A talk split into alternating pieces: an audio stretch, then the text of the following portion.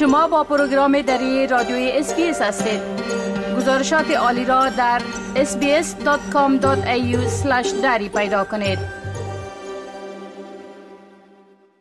حال با جاوید روستاپور خبرنگار برنامه دری رادیوی SBS برای جنوب آسیا.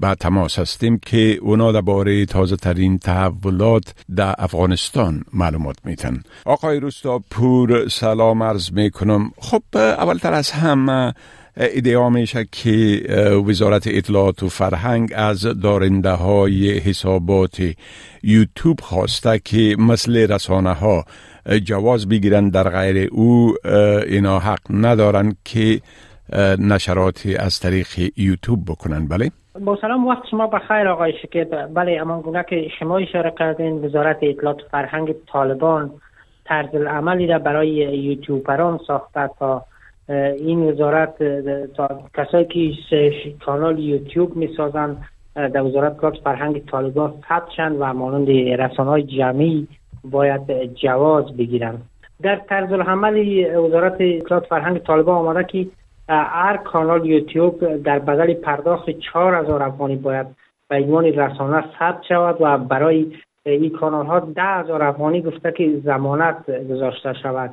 همچنان در این طرز عمل آمده که صاحب امتیاز یک هر کانال یوتیوب باید سن 18 را تکمیل کرده باشد و همچنان کسی که به عنوان مدیر مسئول درد شد باید فارغ پانزه ژورنالیسم باشد و یا حداقل سه سال تجربه کاری در بخش رسانه داشته باشد. این تصمیم طالبا سبب شده که شماری از کسایی که کانال یا شبکه یوتیوب دارند ابراز نگرانی کنند و شکایت کنند از این مسئله که چون اگر اینا در قلب نخست که یوتیوب را ثبت می‌کنن و به حساب بانک های افغانستان خود را ثبت کنند دیگه پولی دریافت نمی‌کنند از کاری را که یا می‌کنن یا موارد را مطالبی را که نشر می‌کنن.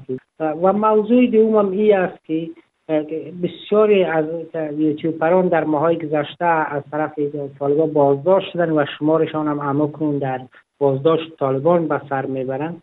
آگاهان امور رسانه‌ای گفتن ای, ای کار طالبا نوعی دیگری مرد ساختن آزادی بیان است در حالی که یوتیوب مانند فیسبوک و تویتر یک شبکه اجتماعی است و در هیچ جای دنیا معمول نیست که باید به خاطر فعالیت در این شبکه یا در این کانال که ثبت نام کنن افرادی که استفاده می‌کنن از این کانال.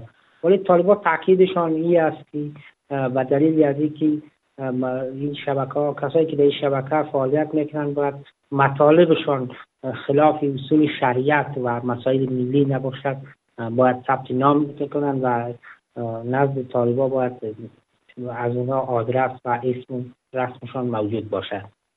بله خب به مناسبت سومین سالگرد امضای موافقت نامه صلح بین امریکا و طالبا.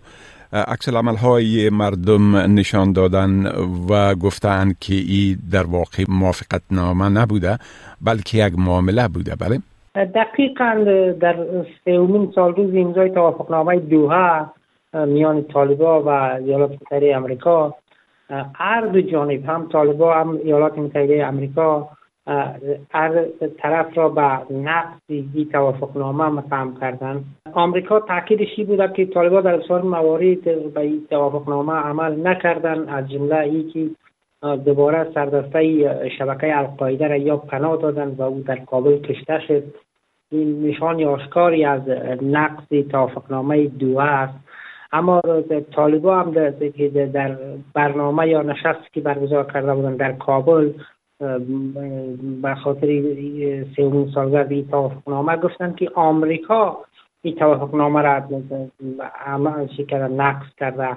از جمله دارایی افغانستان یا گفتن مسدود کرده. طالبان تاکیدشانی است که موضوع دومی است که حکومتی از یا در حالی که همه شرایط را پره کرده ایره به رسمیت نشناسته.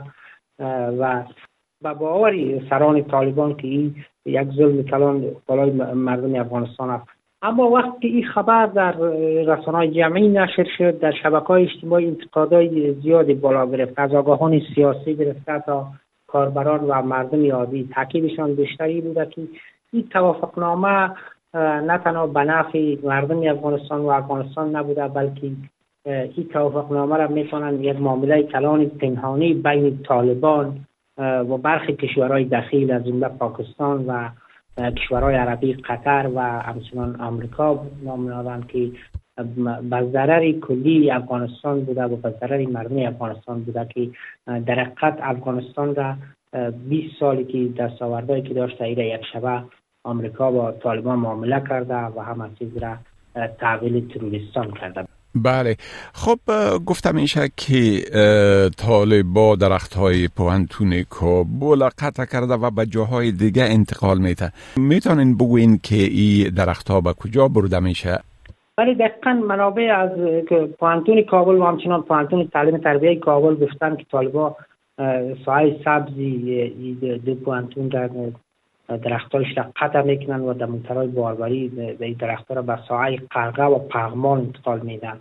همچنین گفتن که چند تن از سران طالبان در ساحه پغمان و همچنین در آخر منطقه دشت برچی کابل داشت خشکپزی ایجاد کردن این درختها را به اون منطقه انتقال میتن و از این درختها در داشت های خشکپزی استفاده می‌کنن. همچنان برخی منابع دیگر گفتن که طالبات در قرقه چوبایی را که انتقال میدن از این درخت ها اینا را دوباره به کسایی که چوب, چوب فروشی دارن میفروشن و در اماما و همچنان در دیگر چیزایی که استفاده از چوب می‌کنن یا طالبا به طور عمده چوبا را میفروشن. ولی این موضوع واکنش بسیار جدی را برانگیخته بود که کار طالبا دشمنی با طبیعت است دشمنی با افغانستان است. ولی طالبا تا کنون به گونه رسمی در این رابطه چیزی نگفتن.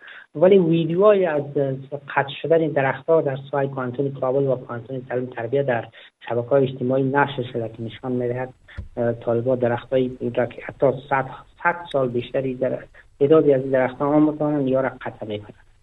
بله خب بسیار تشکر از این معلوماتتان آقای روستاپور. و فعلا شما را به خدا می سپارم و روز خوش برتان آرزو می کنم.